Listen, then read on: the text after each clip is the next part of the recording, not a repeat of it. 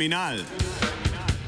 Vedno različni, nikoli isti, reš kolumnisti, isti, isti, isti, isti, isti, isti. isti.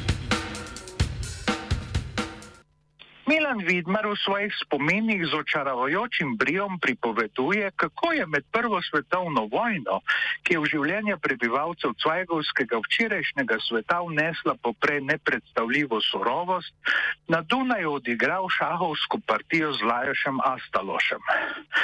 Ko ga je mađarski mojster uspel zvabiti v pas, se je hudo ujezil nad seboj in precej prostaško zaklev, po srpsko. Mađar, ki je slovel kot izjemno uglajen človek, pa mu je potem dejal. Nemojte, gospodine doktore, ovako ružno, da psujete. Astaloš, ki se je v časih, ko so bili tudi najboljši šahisti, večinoma še amaterji, služil kruh s poučevanjem jezikov. Ob materinščini brez tujega naglasa govoril še srpščino, nemščino, francoščino, grščino in arabščino, je med velikim spopadom prestolnice v prislovično lepi modri domovi služboval kot cenzor in je bil vajen vsega izrazno hudega. Pa vendar je v njemu stal živ odpor do grobosti in očitno tudi do časa, ki jo je usiljeval zavedenski standard. Vsem okoliščinam na vkljub mora človek ostati na svoji ravni. Vidmar si ni mogel kaj, da ne bi Astalošu, ki mu je bil v tistem trenutku predvsem drugim nasprotnik, pritrdil. Beseda, ki je nedvoumno in neprizanesljivo izrazila naravo svojega izgovarjavca, je bila najprepričljivejši argument. Velika poznavalca šahovnice, ki je po mnenju Garja Kasparova anticipacija življenskega okolja, figure na njej pa alegorije eksistirajočih biti, sta potem celo postala najboljša prijatelja. Ne mara se mačarski mojster po prvi svetovni vojni na črna in bela polja tudi zato podal pod zastavo kraljevine SHS oziroma Jugoslavije.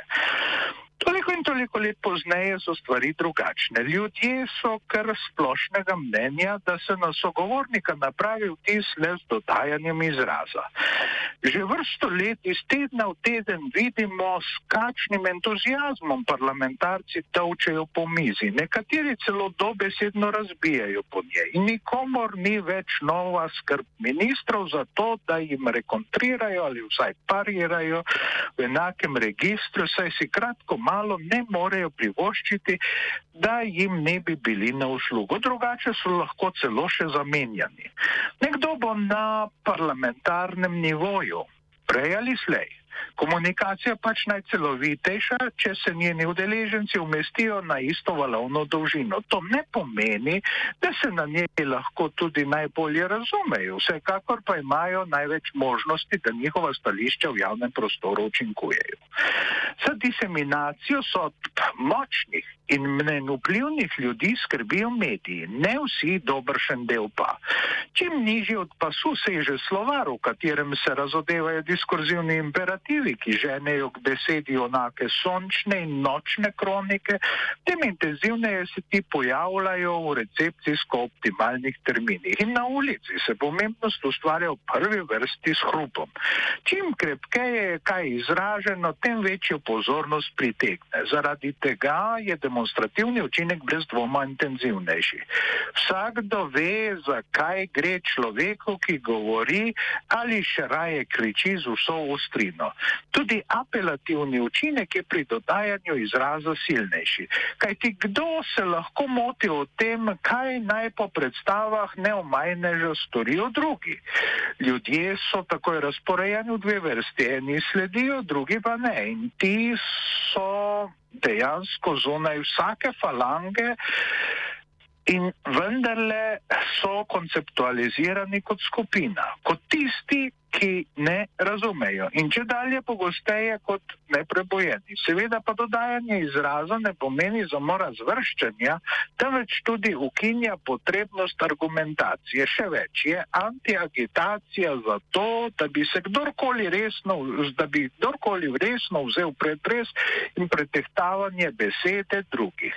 Kako daleč je stari renesančni mojster François Rabli ki je na začetku romana Gargantua in Pantagruelo bralca pozval, da do dobra premozga, kar je zapisal. Med ljudmi je očitno povsem prevladalo mnenje, da sprememba stališča v kakšnem problemu ni stvar predstavljanja in tehtanja argumentov, temveč ocene koristnosti takega koraka. In to ni sedaniška muha enonočnica.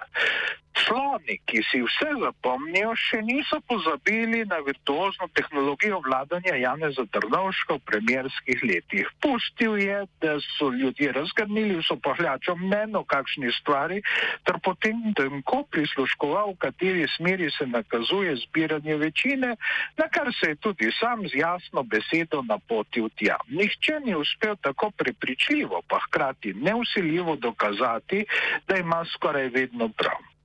Tedaj so pač bili časi dialoga, večina stališč je še imela pristop v javni prostor. Celo najbolj radikalne sodbe se niso poskušale eliminirati z etiketo kakšnega zgodovinsko izpričanega ekstremnega zla.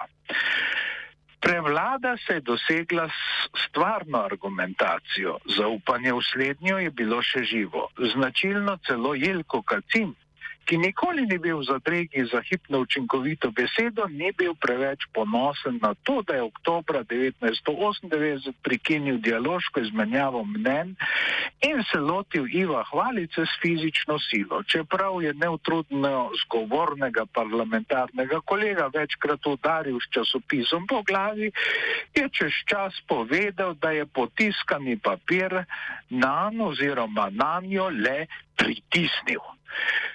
Pojasnjevanje legendarnemu slovenskemu osamosvojitvenemu informatorju vedno šlo v drog, a argumentacija v njem oktobra 1998 vendarle ni bilo več.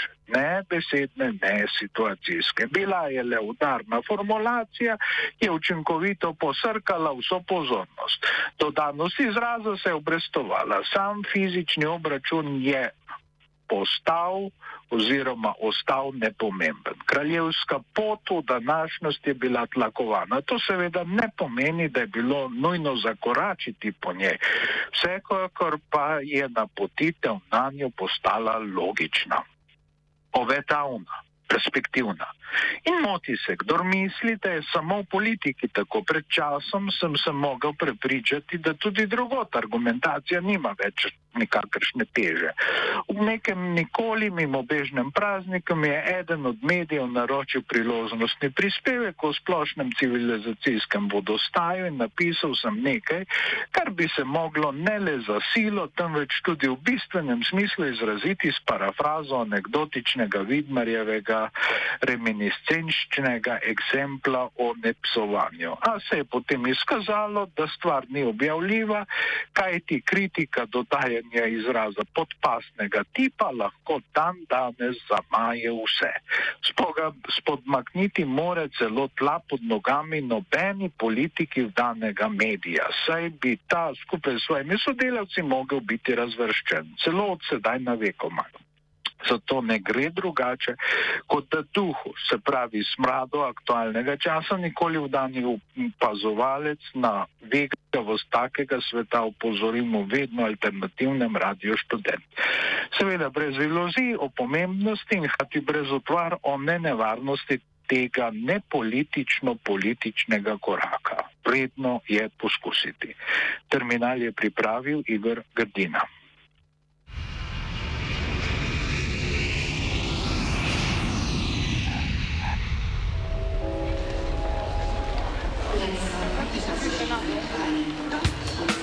Terminal. Vedno različni, nikoli isti, reš kolumnisti, isti, isti, isti, isti, isti, isti. isti.